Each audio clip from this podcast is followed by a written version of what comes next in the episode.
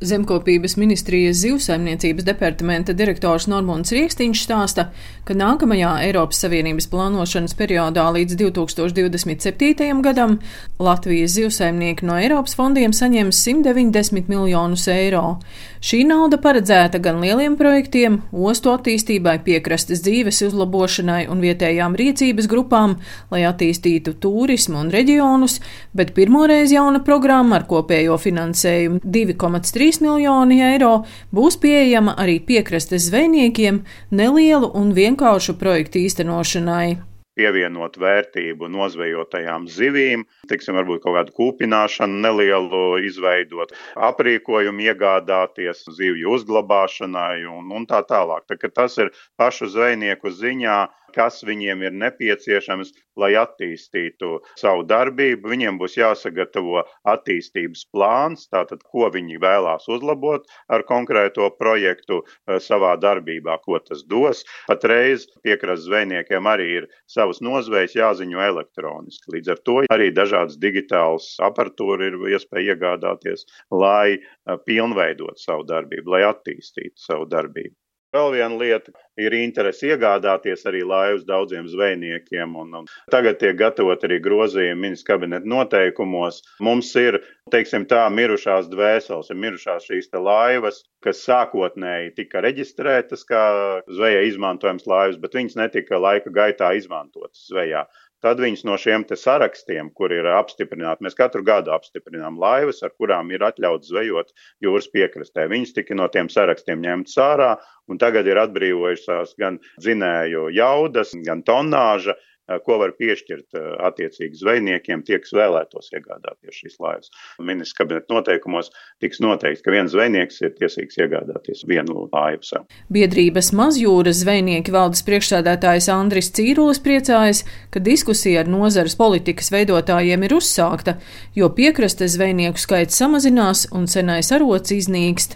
Līdz šim tieši laivu trūkuma dēļ kļūt par jaunu komercdzvejnieku bija gandrīz neiespējami. Mēs esam pakustinājuši ūdeņu, jā, un cerams, ka izdosies solījumi saņemt daudz. Nu, mēs ceram, ka būs. Vai jau tās naudas no Eiropas nāk, un, un tīri zvejniecībā to naudu nevar izmantot laivām un laivu motoriem.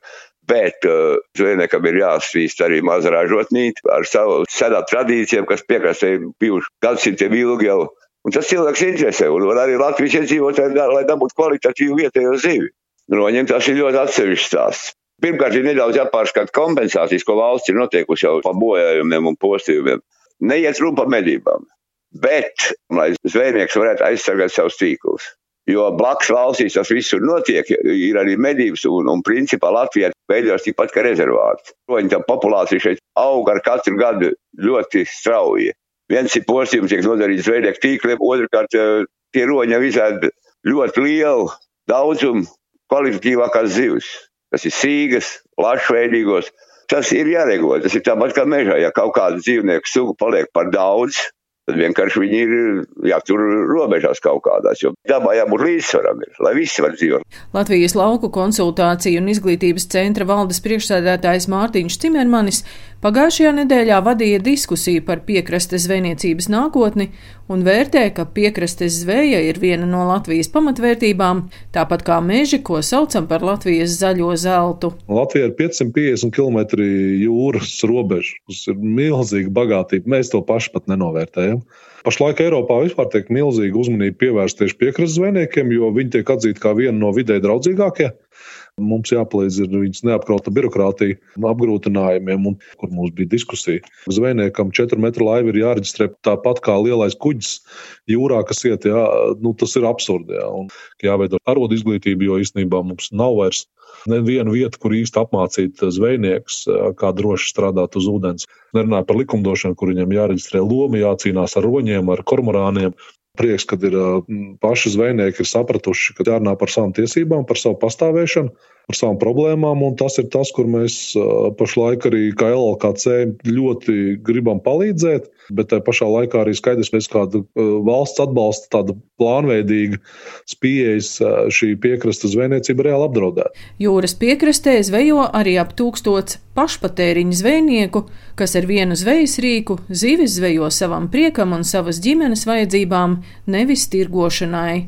Daina Zalamane, Latvijas radio.